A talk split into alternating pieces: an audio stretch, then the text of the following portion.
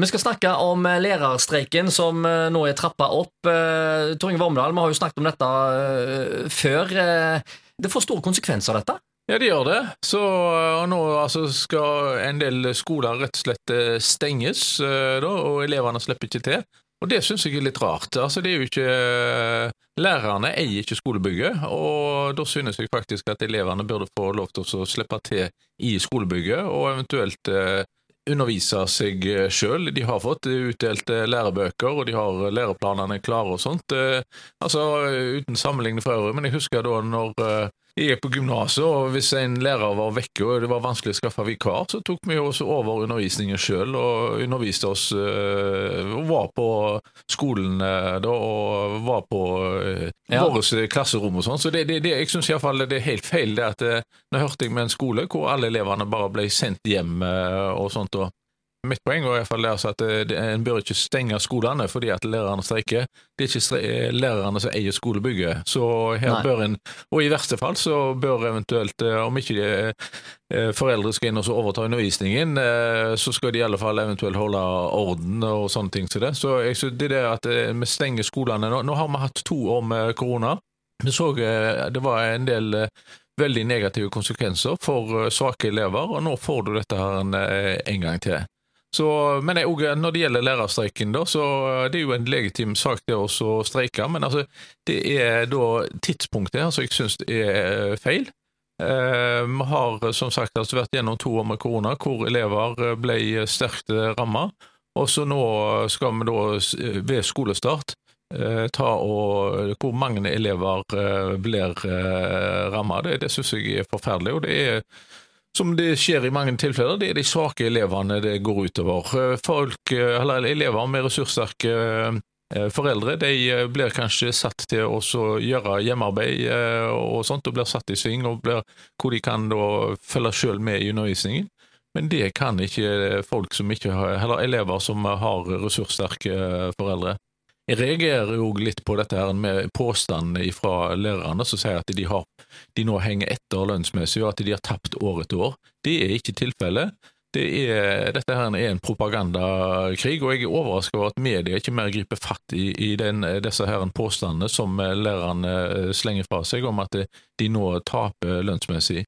Er, altså nå har alle forbund eh, innen kommunesektoren godkjent lønnsoppgjøret. Det eneste som ikke gjør det, det er da altså lærerne. Og de påstår at de da har blitt eh, hengt akterut. Men eh, eh, tekniske beregninger som er gjort når det gjelder lønnsutviklingen deres, det er at de har fått det samme som andre. Nå fikk faktisk dette med Det har vært viktig å rekruttere lærere inn i yrket.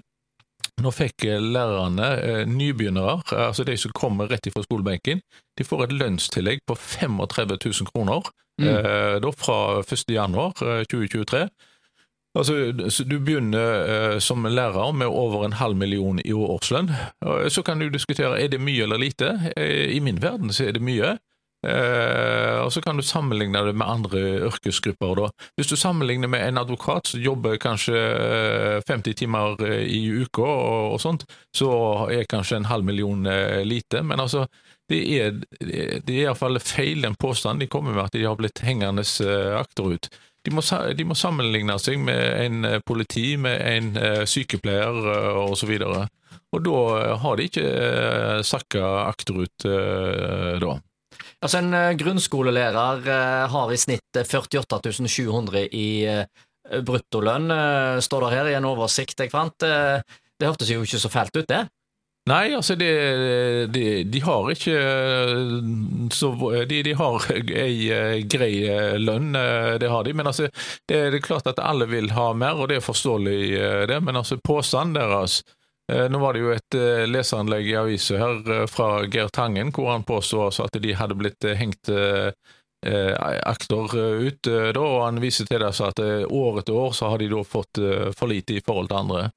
Men hvis du går inn og undersøker dette, så er det ikke den påstanden korrekt. De har ikke blitt hengende etter i forhold til andre grupper. Nå har de jo i kommunesektoren Det som også er et argument, er jo at i, i kommunesektoren så har det etter hvert de siste 20 årene så har det kommet inn mange andre grupper med akademisk bakgrunn som gjør at lønnsnivået, altså at det er flere som begynner å komme på eh, lærernivået da. Men det betyr ikke at lærerne blir eh, henger akter ut eh, lønnsmessig eh, da. Så, eh, men, eh, og en, eh, altså en, lektor i dag har rundt 700 000 i årslønn, altså en, en, som jobber på videregående skole, eller en, du kan òg være lektor og jobbe i f.eks. på ungdomsskolenivå.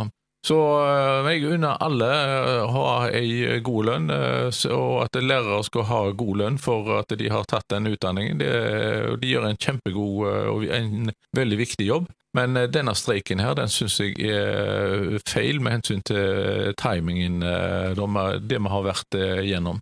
Så jeg håper jo at dette blir, løser seg snart, men nå hører jeg jo på nyhetene at de sier at dette kan bli langvarig. Ja, altså KS sier at de har ikke noe mer å gi.